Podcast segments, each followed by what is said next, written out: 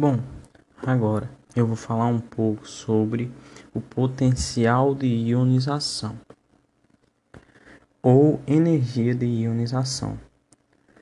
Antes disso, eu vou explicar como é, ele se aplica no átomo.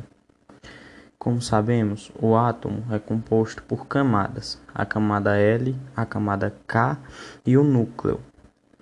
É, no núcleo ficam os prótons. Ao longo das camadas K e L ficam os elétrons. Os prótons atraem os elétrons para o átomo.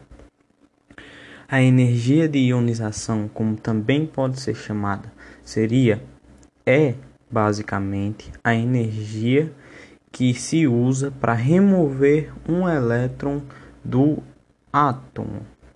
E existe também uma equação que explica melhor isso, que seria um átomo neutro mais energia que se que retira um elétron e o átomo acaba se tornando um cátion, que tem um raio menor do que o átomo anterior e um elétron a menos.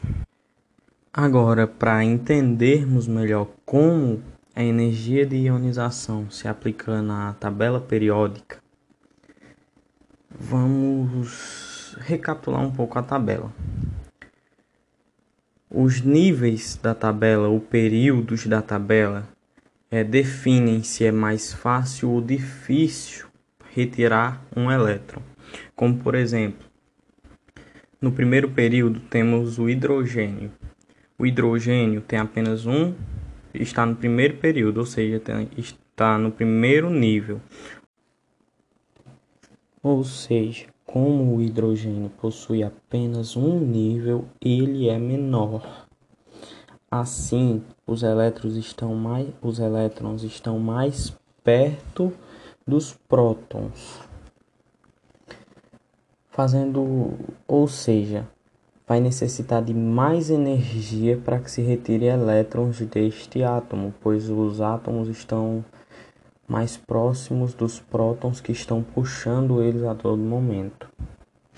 Agora, falando do nível 7, vamos para a camada 7. Lá temos o frâncio.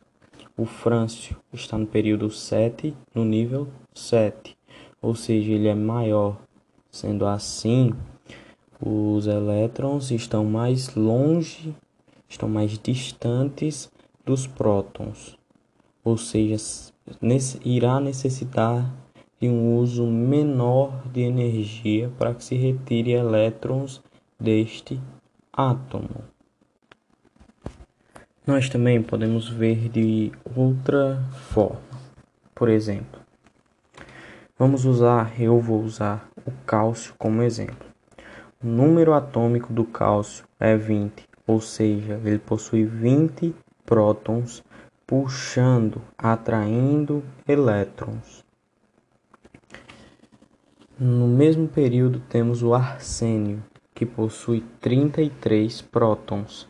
Sendo assim, o arsênio possui mais prótons puxando mais elétrons, ou seja, este átomo, o átomo de arsênio será menor ou seja, será mais fácil retirar elétrons do cálcio do que do arsênio. Dito isso, a gente encerra por aqui o conteúdo.